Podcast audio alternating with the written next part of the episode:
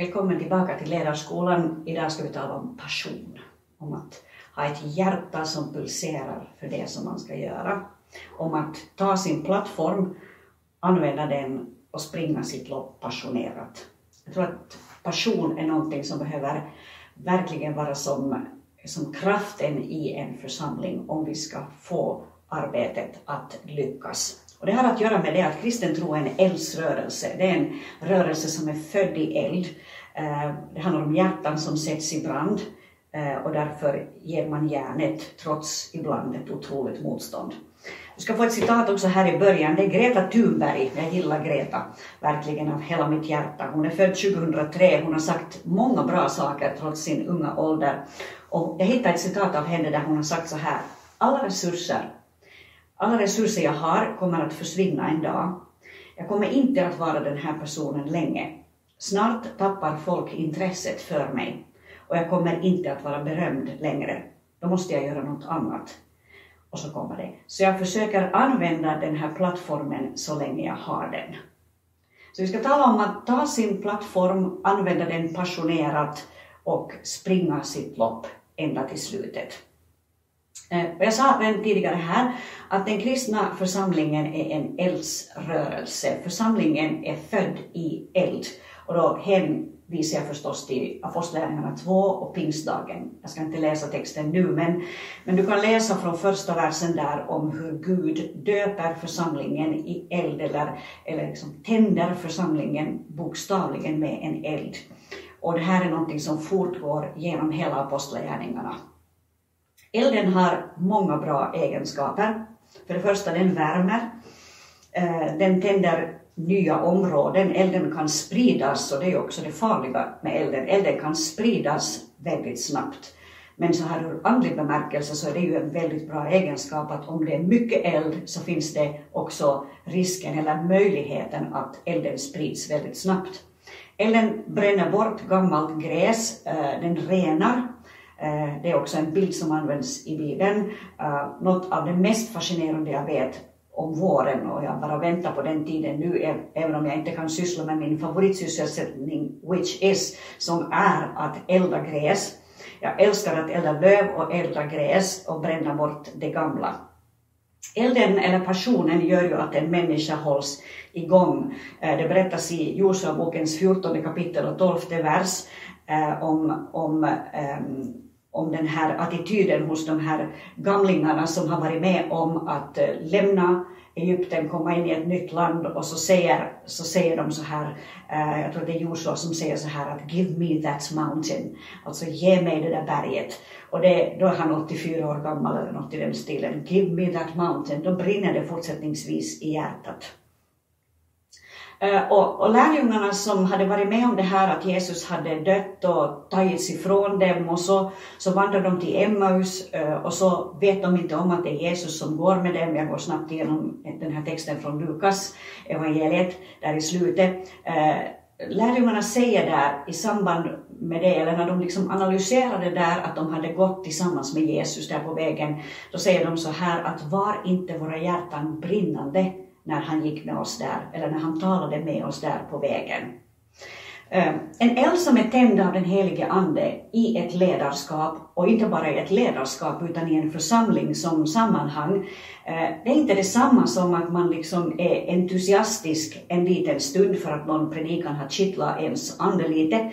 Ehm, för, för, förvisso finns det liksom äh, aspekter av entusiasm där, äh, men, men elden från den helige Ande hålls inte liksom automatiskt brinnande i en år efter år nonstop.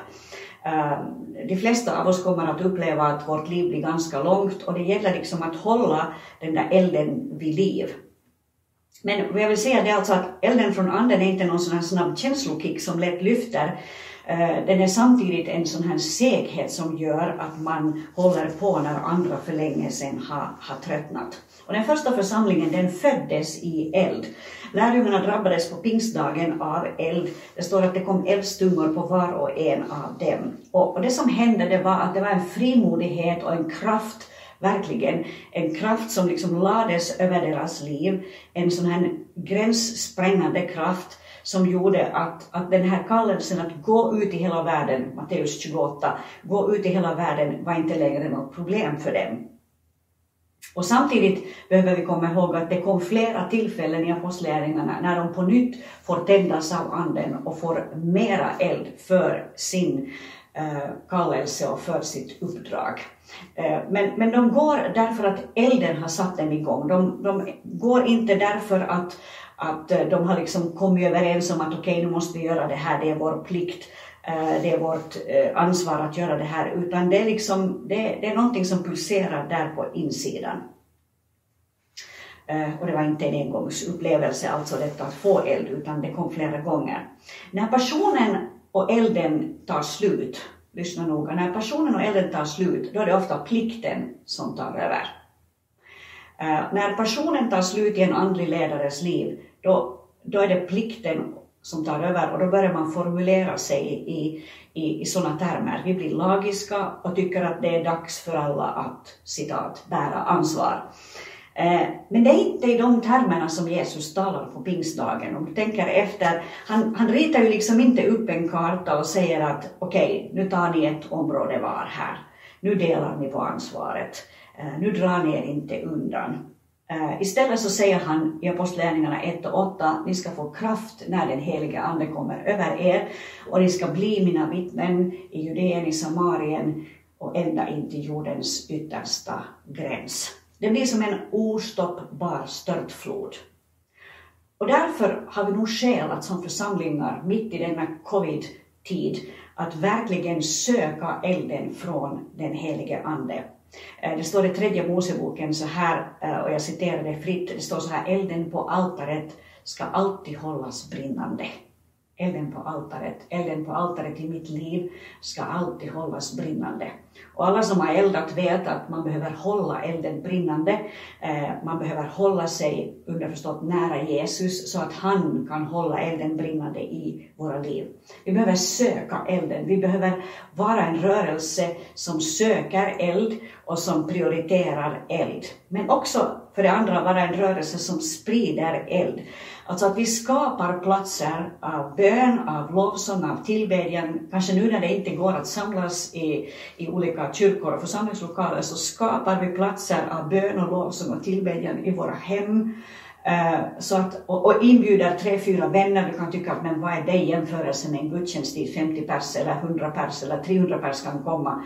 Det kan ha stor betydelse.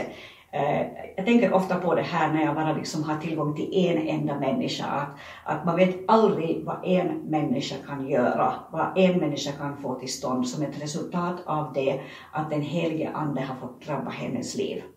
Så sök elden och sprid elden. Har du tappat bort elden och är det bara liksom torka kvar, är det bara trötthet kvar, så, så använd tid inför Herren bara till att be Gud döp mig i helig ande och eld. Döp mig i helig ande och eld. Jag längtar efter eld från dig som håller mig brinnande. Ska vi be om det här och nu? Jesus, vi längtar efter eld över din församling och vi längtar efter eld i vårt eget liv. Vi behöver dig. Vi behöver eld från himlen som gör oss passionerade, som fyller oss med liv. Så låt elden komma över våra församlingar, i den här staden, i det här landet. Det ber vi om i Jesu namn. Amen.